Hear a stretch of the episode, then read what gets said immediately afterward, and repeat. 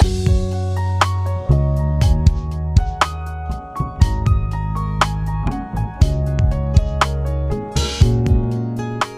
lyssnar på Human Design-podden med Emily Eriksson och Tone Hove.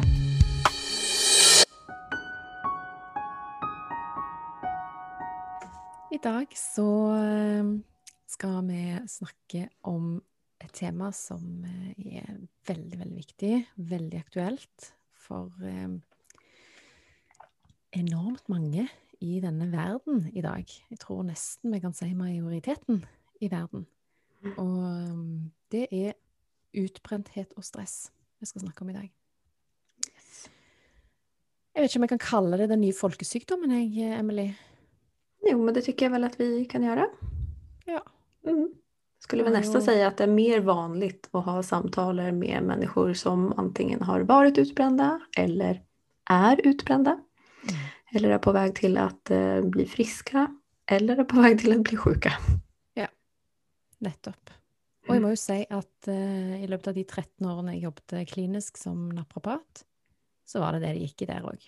Mm. De kom inn med smerter, hodepine, migrene, stive skuldre, vond nakke, smertefull korsrygg osv. Ting som har låst seg i kroppen. Mm. Og de har enten eh, møtt veggen eller er på vei dit. Og der eh, Der åpner jo bl.a. Human Design en helt fantastisk dør, for min del. Altså Mm. alle brikkene bare ble satt i system. Det var, det var akkurat som at OK, ja, men selvfølgelig, her har vi på en måte et fantastisk verktøy som gjør at det blir enkelt for Gud og hvermann, enkelt for alle egentlig, å bare forstå at ok, det her er måten vi opererer på. Når vi på en måte ser bort ifra det skallet som vi bor i, og den fysiske kroppen, så, så har vi på en måte fått human design i gave, spør du meg. Det å kunne forstå eh, hva er det egentlig som foregår. Mm. Mm. Kämpefin eh, pekepinn. Så, men så gjenstår det jo å faktisk gjøre jobben. da. Ja. Som kanskje ikke alltid er lika rett. Nei. Så det er en av tingene vi skal snakke litt om idag. Mhm. Og ta deg og meg som eh, eksempel, faktisk, og våre utbrentheter som vi har vært igjennom, og hur human design har hjälpt oss och hur det fortfarande hjälper oss och hur det fortfarande är vissa saker som är svåra att jobba med. Ja, Det er det. Nei, jeg bare tenker, jeg håper at det kan være til inspirasjon, for jeg tenker at det å høre våre historier, for, for, for våre historier tror jeg er veldig vanlige. Jeg tror det er veldig mange som har vært der som vi har vært, eller som kanskje er der som vi har vært. Och så är vi ju också två olika energityper du och jag. Mm. Och det tänker jag också är väldigt fint för alla där ute att höra att eh, man kan bli utbränd oavsett vilken energityp man har. Men det kanske beror på lite olika saker varför man har blivit det och man har kanske olika resor tillbaka till att bli frisk. Mm, absolutt. Og det er jo veldig mange som, når de oppdager human design, og hører om de forskjellige energitypene, før de på en måte har, har undersøkt hvilket design og hvilken energitype de sjøl er, så det er veldig mange som tror at de er en prosjektor. Um, jeg tror jeg er en prosjektor, på en måte. Så man, er det mange som blir veldig skuffa når de forstår at de er en, en generator. Fordi at når du leser om en generator, så er det liksom masse energi, power Det er liksom eh, Du er her for å generere mer energi, mer livskraft, og eh, på en måte serve resten av verden med energi. Og så sitter kanskje der en haug med generatorer der ute som bare Men altså, jeg har jo ingen energi igjen. Jeg er helt utslitt. Mm. Hvordan skal jeg kunne spre rundt meg med energi når jeg har knapt nok til å komme meg gjennom min egen dag sjøl? Ja, og så, så var det verkligen for meg altså, når jeg fikk mitt chart første gangen, Eh, där det stod at jeg var manifesting generator. da. Og jeg bare, hä? Det kan ikke stemme, jeg må jo være projektor. jeg har jo ingen energi, jeg er jo alltid trøtt. Ja. Men eh, den börjar å komme tilbake, så kan jeg si. Så deilig. Jeg begynner börjar kjenne igjen meg i mitt eget eh, chart. Og så finnes det så mange olika sett å ha energi på, som vi også har pratet om tidligere. At det behøver ikke bety at du har masse fysisk energi. Det kan hende at du har masse kreativ energi. Det kan hende at du älskar att studera och skriva artiklar till exempel. Mm. Så det är också, det finns ju väldigt många variationer innanför generatortyperna också. Mm. Mange, mange forskjellige variasjoner og mange måter å få utløp for energi på. Mm. Mm. Men jag tänkte Tone, kan inte du berätta lite, du som är projektor, hur det har varit, hur var din liksom eh, smäll rent fysiskt eh, när du har en, en odefinierad sakral? Vad är det som tror du gjorde att du blev utbränd och vad är det som har gjort att du har kommit tillbaka igen? Ja, veldig godt spørsmål, og det skal jeg veldig gjerne med stor glede fortelle om. Um, jeg møtte veggen sånn ordentlig i 2017. Um, og jeg hadde ikke oppdaget Human Design ennå da. Og, og da eh, Da jobbet jeg enormt mye. Jeg hadde vært eh, gründer i en del år. Så jeg hadde starta eh, Vært med og starta naprapatklinikk, og så så solgte jeg meg ut av den og, og ble med å starte et um, helsehus i Stavanger. Og jeg hadde min praksis inn i det huset. sånn at da jobbet jeg med Da hadde, hadde jeg ansvar for um, Jeg drev dette huset sammen med en, en annen, så, så, jeg hadde driften og veldig mye av det administrative med driften av dette huset. Og jeg eh, hadde naprapatpraksisen min inn i huset som jeg jobbet med. Og jeg underviste yoga og pilates, hadde PT-timer, og jeg drev en liten shop med klær. Mareritt for en prosjektor, høres det ut som. Eh, det er et mareritt for en prosjektor. Og jeg kjente jeg ble slitnere og slitnere. Eh, jeg husker før jeg skulle ha undervise kveldsklasser, så lå jeg på gulvet inne på kontoret mitt. Altså, jeg jeg, jeg lå, lå, til lading for å klare å komme gjennom den kveldstimen som jeg skulle undervise i eh, enten det var yoga eller pilates. Jeg underviste begge deler. Og jeg Ja, det var en eh, Jeg hadde påtatt meg altfor mye jobb, og jeg hadde tatt på meg altfor mange hatter. Og jeg elsket jo det jeg gjorde, men jeg var så sliten. Og til slutt så var meg og min mann på en eh, helgetur i, i Barcelona.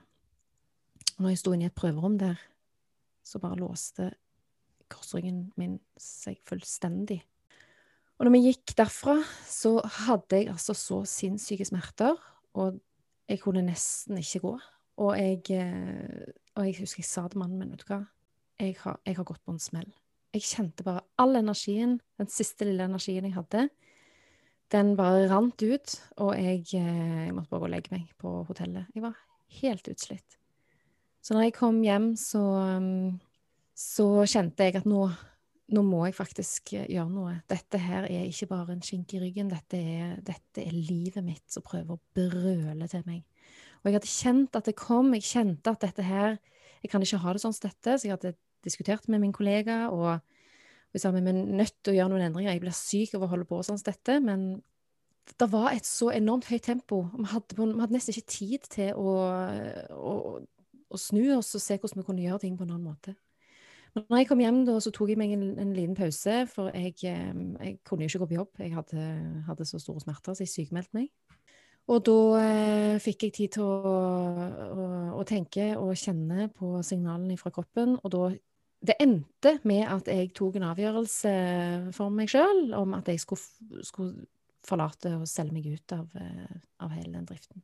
Jeg kjente det her er ikke bærekraftig. Jeg, jeg har ikke mulighet for å jeg, jeg, kan ikke Jeg blir syk, rett og slett. Så, så, jeg gikk ut av det, og så var jeg vel helt borte fra jobb i tre måneder. Og så starta jeg opp igjen eh, min eh, lille naprapatpraksis i et kontor eh, midt i byen. Og der, det var egentlig helt perfekt. Alt var bra. Jeg hadde masse pasienter, og alt gikk kjempefint. Jeg hadde jobbet i mange år, så det var liksom en trygg og god base. Men likevel så kjente jeg at det var noe som skurra, og i løpet av den tiden der så ramla human design inn i livet mitt. Og når jeg begynte å lære om mitt design, fikk en reading av kartet mitt, begynte å studere dette her sjøl, så begynte jeg å forstå at OK, selvfølgelig har jeg blitt så sliten som jeg har blitt. Jeg har, jo, jeg har levd og jobbet på en måte som absolutt ikke er i tråd med det som jeg faktisk er her for å gjøre. Og da bestemte jeg meg for å starte helt på blanke ark igjen. Eh, for jeg kjente at jeg Det var ikke bærekraftig for meg å stå dag inn og dag ut med behandlinger og pasienter én til én. Jeg, jeg var fortsatt sliten etter utbrentheten. Så, mm, så jeg tok meg et helt års pause etter det. Eh, og det var da jeg virkelig dykka ned i human design og begynte å studere det, først og fremst for min egen del. Men så merket jeg at du, dette her er, det er et så fantastisk verktøy. Så um, jeg, jeg, kjente en, en, dragning mot å gjøre noe mer. Og så merket jeg òg at interessen, når jeg snakket med andre folk om det, så var det plutselig en helt enorm interesse for det. Mange som var interessert i å lære mer. Så da begynte jeg så smått å tilby readinger og så videre. Og tok en utdannelse, gjorde jeg òg. Ja.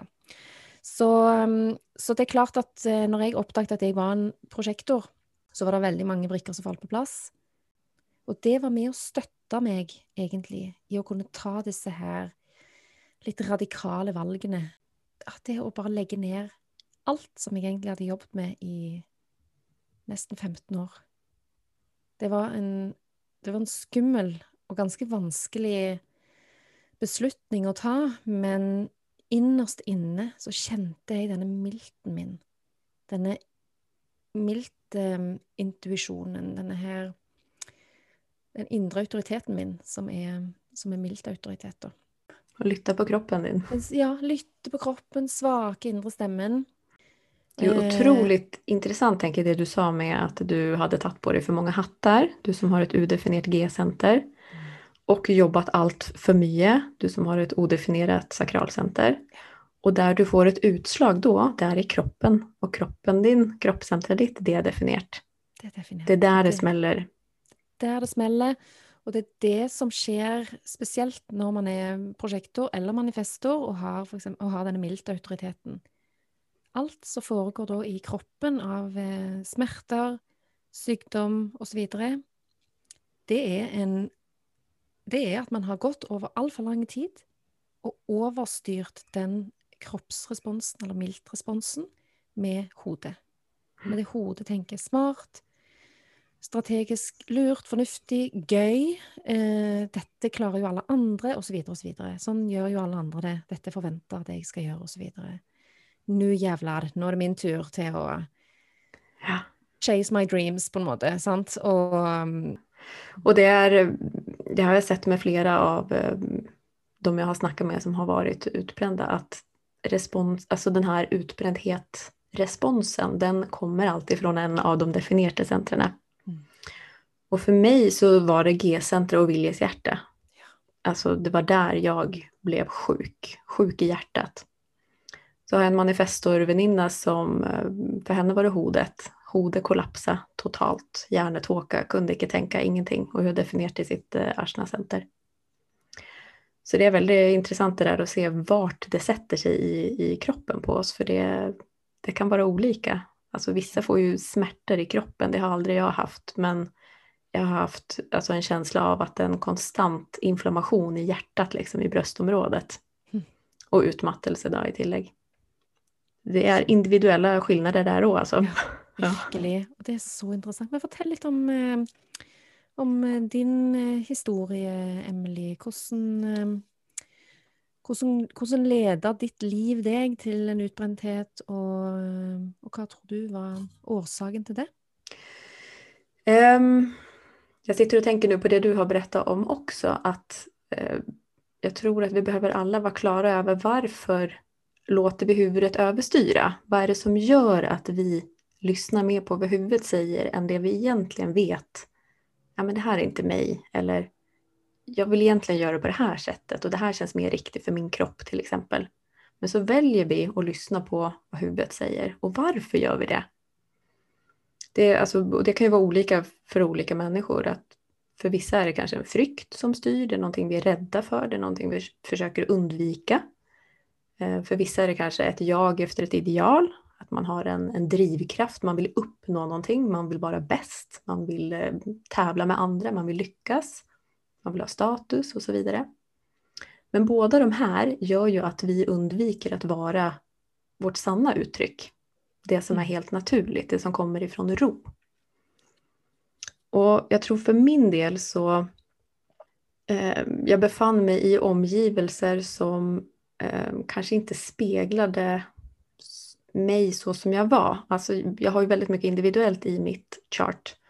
Och jag befann mig i omgivelser som kanske inte helt hade förståelse för mitt sätt att uttrycka mig på, mitt sätt att tänka på, eh, mitt sätt att, att vara på. Mm. Så jag, eh, det var nog en kombination av det och att jag fick två tätta barn väldigt tidigt och eh, tog utbildning i, som personlig tränare samtidigt. Eh, var en av de første her i Tønsberg som faktisk levde av å være personlig trener for mange, mange, mange år siden. Og altså, pushet på rent så energetisk da, med min manifesting generator energi. Men i tillegg så kjente jeg også at jeg, jeg, jeg prøvde liksom å anpasse meg til mine omgivninger, som var kanskje mer A4 kan vi si. Mer liksom det her vanlige. man skal ha en vanlig familj og man skal leve på et vanlig sett, hva nu det är. Mm. Och jag kände bara att jag dog sakta men säkert in i mig. Och så har jag ju också alltid haft en, en eh, trång till att förstå det som inte är materie, så förstå ond. Och det hade jag liksom inte heller hittat någon som tog det på allvar. Alltså det var, det var väldigt mycket så här lattlegöring av det eller att folk missförstod och tänkte att ja, men, antingen så är man religiös eller inte. Men jag, för mig så finns det något annat. Något som inte går att fånga innanför några regler. Mm. Men jag hade liksom inte mött någon som kunde spegla mig i det. Det var bara en känsla jag hade i mig själv. Så, eh, men med den kunskapen jag hade om mig själv och livet där och då så vågade inte jag lita på det här som, som var i mig utan jag gav bort min auktoritet till de som var runt mig och jag försökte anpassa mig. Så livet mitt blev bara gråare och gråare och jag blev helt säkert gråare och gråare själv också för att jag höll igen min individuella, eller mitt individuella uttryck. Mm. Och så har jag ju också mitt huvudsår heter skam så någonstans i min uppväxt har jag också lagt skam på mitt behov för att uttrycka mig och tänkt att det är någonting fult eller att det är någonting man har ett behov för för att man vill ha uppmärksamhet eller ja, att det inte var liksom rätt då.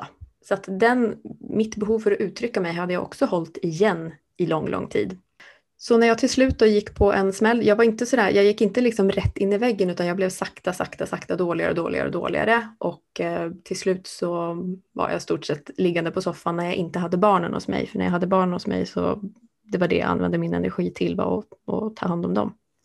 Så ja, jag hade också gått igenom en skilsmässa i, mitt i den här kaotiska perioden eh, och eh, hittat en ny man som också var väldigt intresserad i det här som går mot mer spiritualitet. Ivar då som har varit med på podden.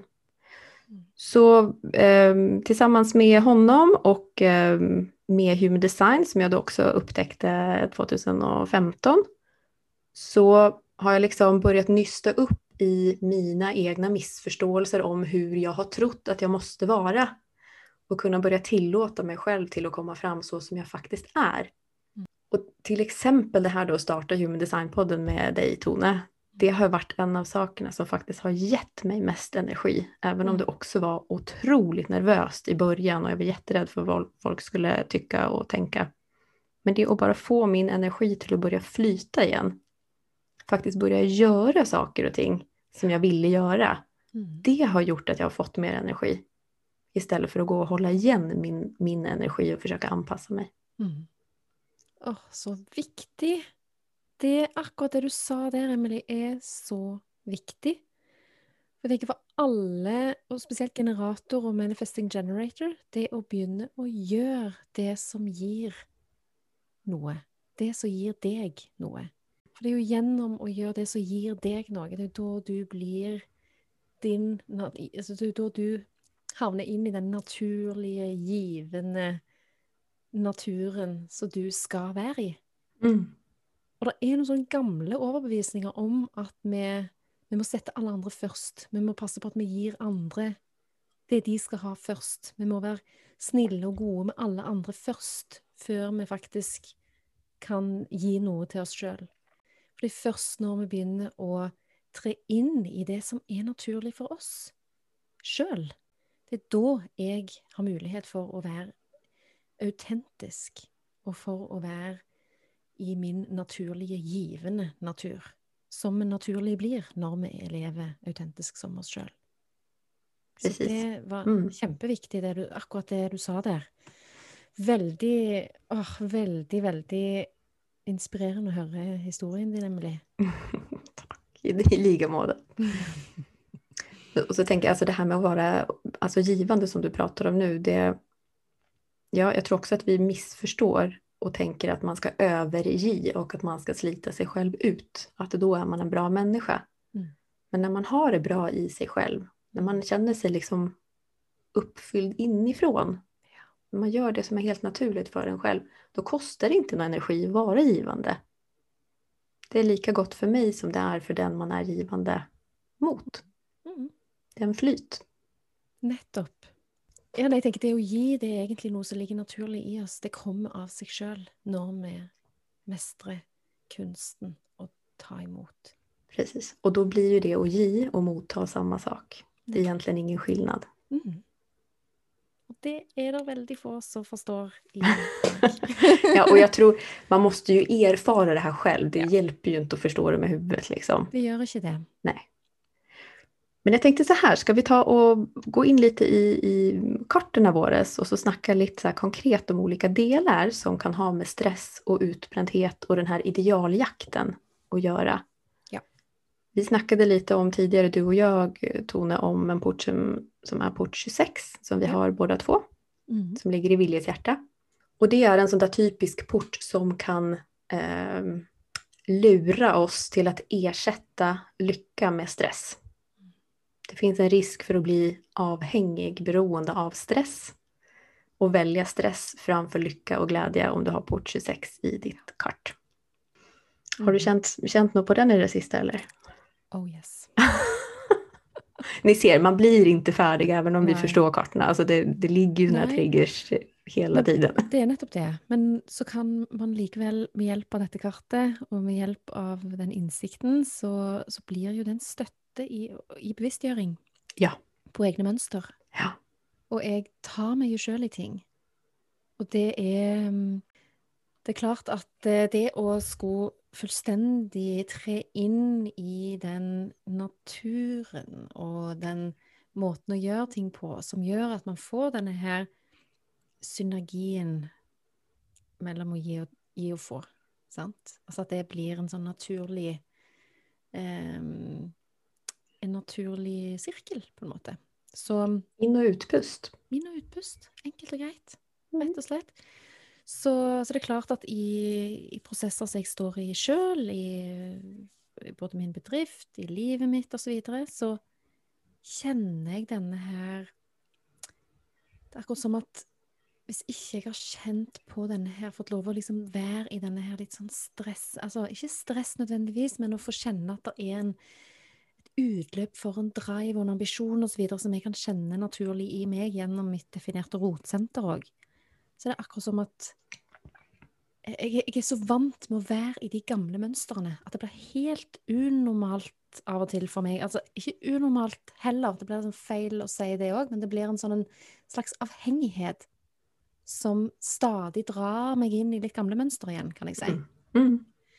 Og det har jeg blitt veldig, veldig bevisst på i det siste. Og jeg ser at jeg, jeg er nødt til å jobbe i min egen underbevissthet med det her. Jeg jobber masse med dette her i meditasjon og for å, for å komme litt dypere ned i den materien i meg sjøl, da. Mm.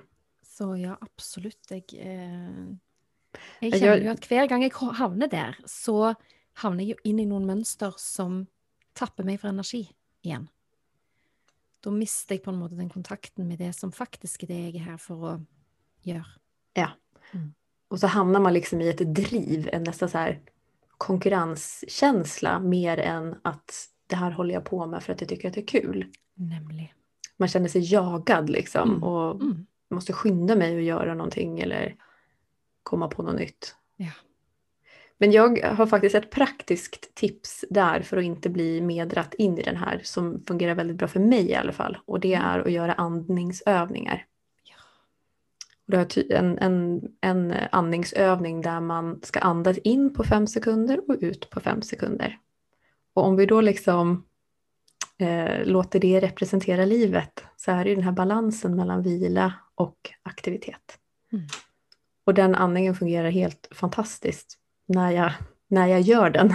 Mhm. Men så är det ju, den här port 26 kan ju också lura mig till att sluta göra den för att den tänker då att nej men det har du inte tid till idag.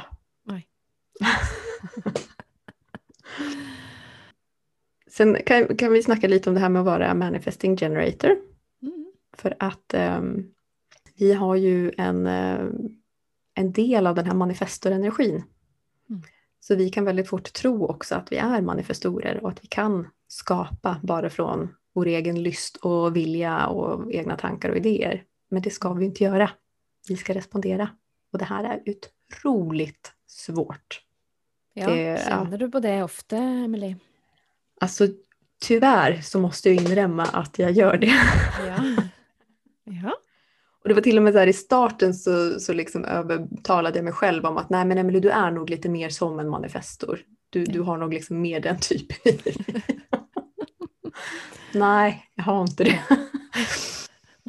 Så, så från huvudets ståsted så är det otroligt svårt att acceptera att jag ska respondera. Men när jag gör det så får jag ju en helt annan känsla i kroppen och själen och livet och allt känns ju rätt när jag faktiskt gör det. Mm. Jeg har jo, som prosjektor så har jo jeg dette åpne sakrale senteret, som vi har snakket litt om tidligere. Men der er jo utfordringen at man tar inn og forsterker livskraften og energien til omgivelsene, til andre generatorer, og til egentlig det kollektive energifeltet, som er et veldig genererende felt. Så det å kjenne de grensene og vite når noe er nok osv., det har jo jeg absolutt ikke klart tidligere i livet. Jeg har aldri Jeg har satt til klokken to på natten og jobba administrativt og stått opp klokken halv seks-seks med små barn. Og gang igjen på jobb og full rulle dag inn og dag ut, og bare skyndte meg til alt. Skyndte meg til barnehagen for å rekke den første pasienten, for å rekke undervisning, for å rekke å hente barn, for jeg var veldig opptatt av at de ikke skulle være for lenge i barnehagen. Så jeg liksom skyndte meg hele dagen for å rekke barnehagen. Og så fikk vi de i seng, og etter de var i seng, så var det sitte og jobbe igjen for å på en måte komme à jour. For å bli klar til neste crazy dag. Altså, når jeg tenker tilbake på sånn som jeg holdt på, det er jo galskap. Det Mm. hadde vært galskap for Helst. alltså, ja, for altså, oss generatorer også. Ja, ja, ja, Ja. absolutt. Men jeg hadde jo ingen kontroll på de grensene i det hele tatt. Sånn at det er klart at eh, med min definerte rot, som på en måte hadde masse ambisjoner og masse glede over det jeg holdt på med Port 58 den har jo en tendens til at eh, den kan dra liksom litt av gårde med meg. At jeg kan bli reven med når ting er liksom gøy, når andre syns at Altså, ja, når jeg, når jeg syns at ting er gøy, Mm. så kan jeg bli litt reven med. Ja, og det har ju du også sagt med andre sakral. Om du er Ja. med andre sakral som er liksom oppovergående så kan det også dra deg med liksom. Ja, ja, ja, ja. Absolutt. Det er helt klart. Jeg har masse generatorvenninner og så videre. Og, og det er klart at eh, før i livet så hadde jeg jo ingen grenser. For det, jeg, jeg ble bare reven med. Og når alt var gøy, så var det bare gøy. Det var bare hive seg med. Og, og ja da, topp. Sa ja til alt. Det var kjempe, kjempestas. Satt jeg der med 15 hatter på hodet til slutt, og visste ikke opp ned på, på noen, noen ting i livet. Men, eh, men det er klart at nå har jeg jo en Nå kjenner jeg jo hvor viktig det er for meg å slutte mens leken er god. Og kjenne at nå er det nok, Tone. Nå skal faktisk du gå hjem. Så kan de andre være igjen og danse på bordet klokken fire hvis de vil, men det skal ikke du. Nå, er, nå går du hjem. Sant? Mm. Og det där tänker jag, med de där små valen vi gjør hele tiden. For det kan jo være noe som vi tycker er kul. Alltså vi kan ju ha en glädje av å gjøre, Men det er ikke sikkert at vi har energin. Nei. Och det där har jag också ett exempel som jeg tog meg selv i bara häromdagen. För att eh, ibland så har jag några vänner eller min syster som skickar en, eh, en kompis och så bara undrar, kan du säga någonting om hennes chart, liksom, bara något litet? Och jag älskar ju det, jag tycker det är jätte, jättekul. Ja. Men nu känner jag bara, nej, jag, jag, jag kan göra det imorgon, inte nu. Ja. Och det är att bara känna den där att jag måste inte göra allt, även om jag tycker att det är kul och även om jag som manifesting generator vet att det här kan jag göra jävligt fort Mm. och bara få det undan, så har jag slutat att göra de där grejerna bara för att jag vet att jag kan det. Mm. Och så hellre känna efter, ja men är det riktig timing nu? Eller ska jag göra det senare? Så det är inte bara den här liksom, ska säga, negativa stressen, utan det är faktiskt det positiva också som vi måste förstå hur mycket tål jag. Mm. Alltså, jag er jo rå under press, tør jeg påstå. Altså, når jeg har tidspress Når gjestene kommer om ti minutter, liksom, eller meg at jeg skal spille inn podkast om fem minutter Altså, helt sykt hvor mye jeg kan få gjort på de fem-ti minuttene. Det er Men det å holde på og skal liksom eh, Ja, jobbe med ting over lang tid for at det skal bli klart om en uke, på en måte, der er Mm. jeg, der er jeg dårlig. Så, um, så det er noe med eh, det, er- ganske fascinerende hvordan vi um, er skrudd sammen, og hvordan det her hele tiden er en sånn fin balanse. Fordi at Mm. det er jo en Det er jo visse ganger du på en måte kan få masse, masse igjen for å virkelig bare ha en sånn en best når det gjelder energi, på en måte. Altså at du har denne her, der er denne her litt sånn eh, Uten at det trenger å bli en avhengighet av at man hele tiden skal være i en sånn en uh, stressenergi, på en måte. Men så er det jo òg en sånn Når er det prokastinering, og når er det For jeg, jeg tror nok at den der Port 26, den er nok sånn som nå når jeg eksempel skulle levere skattemeldingen. Når jeg bare venter til liksom dagen før den skal leveres inn, så gjør jeg jo den i et sånn et tempo. Det er klart at det, det er nok òg port 26, tror jeg, i meg, som gir meg en sånn en Jeg er litt avhengig av å kjenne at det der stresset får lov å bygge seg litt opp i meg, sånn at jeg bare Da, da får jeg det gjort. Men jeg har gått og prokrastinert i sikkert ett og et halvt år. Men i forhold til dette åpne sakrale senteret mitt, da, Ja.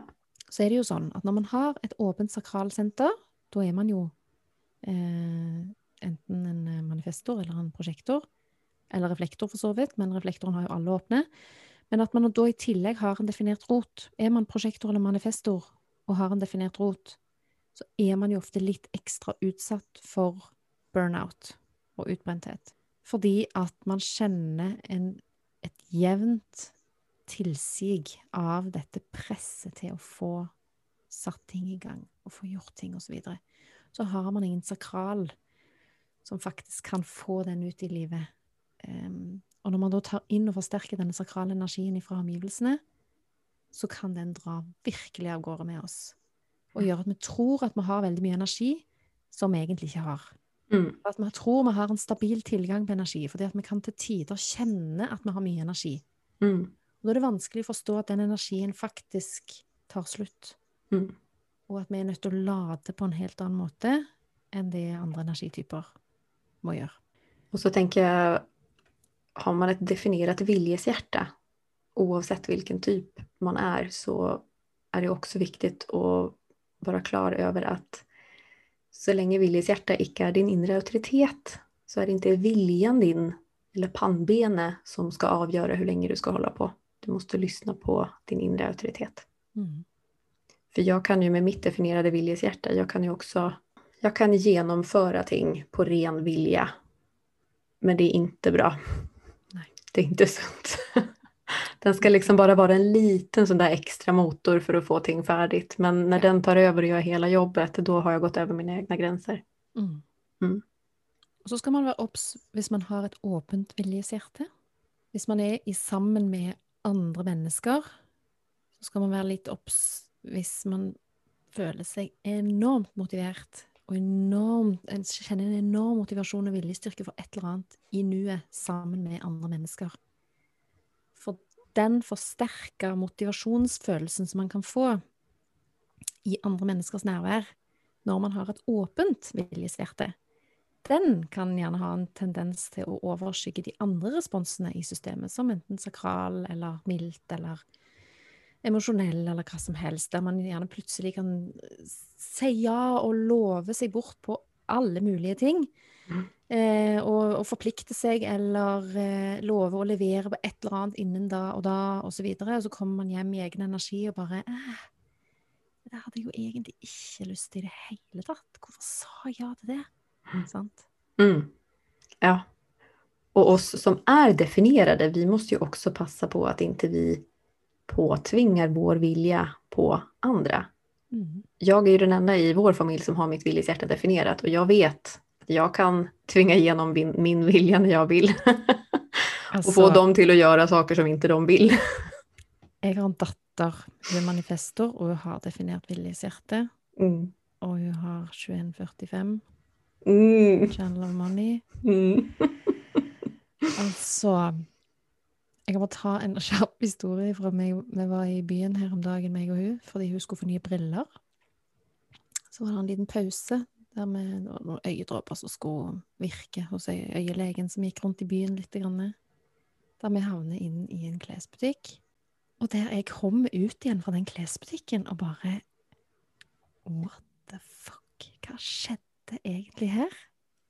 For der kom vi ut med bæreposen full med Ikke helt full, da, men altså, der hadde hun bare Hun hadde altså da pusha pusha meg, på en måte. Altså, hun hadde den sterke viljen sin, så hun bare Og jeg kjente jo at ja, men ja, men å, den var fin, og den trenger du, og alt det der. og så kom jeg ut, og så bare Ja. mhm, ja, du kommer til å komme langt i livet med det der hjertet ditt, eh, Ingeborg. Ja, og manifestor i tillegg. Oh God, i manifester i tillegg, vet du. Hun vet jo akkurat hva hun skal Men det er jo akkurat Ja. Det er, det er helt likt. Hun har jo vært med faren òg og kjøpt f.eks. bursdagsgave til meg. Der det bare Der han òg bare tenker etterpå. Altså, han har òg åpent viljeshjerte. Han er manifestor sjøl, da, men altså Mm. Det hun får til, lille jenten med dette definerte viljeshjertet Mm. Hun er den eneste i familien som har det. Ja. Men også den manifestokreften. Min dotter, hun, hun har akkurat uh, tatt over vårt sovrum, hun. Ja. Ja. Ja. Det. Ja. ja. Nei, vi skal, vi skal kunne le litt av det her. Ja, det er utrolig interessant. ja. Og så lenge de gjør det på en hyggelig måte. Ja da. Ja. Det, Yes. ja. Er det noe siste du vil legge til? Jeg tror at det aller viktigste å forstå med det her, når det kommer til human design og utbrenthet osv., det er jo at det her starter alltid med en bevisstgjøring. Det starter med å bli bevisst på seg sjøl og sine egne prosesser, og så er det en reise. Det er ingenting som på en måte man nødvendigvis over natten bare klarer å implementere i vårt eget system. Vi kan forstå det rent intellektuelt umiddelbart. Men så må man liksom eksperimentere med dette, teste det og våge å ta, ta litt nye valg og våge å gjøre den lille indre reisen, da, som er så befriende og så viktig og verdifull. Amen, halleluja. Amen, halleluja, med en god porsjon tillit. Ja. Jeg är helt enig. enig. Kjempefint. Veldig fint uppsummerat. Jeg vil nesten ikke si noe, känner. Så bra, da. Ok. Ok, takk for i dag. Takk for i dag, Emily. Ha det. Ha det.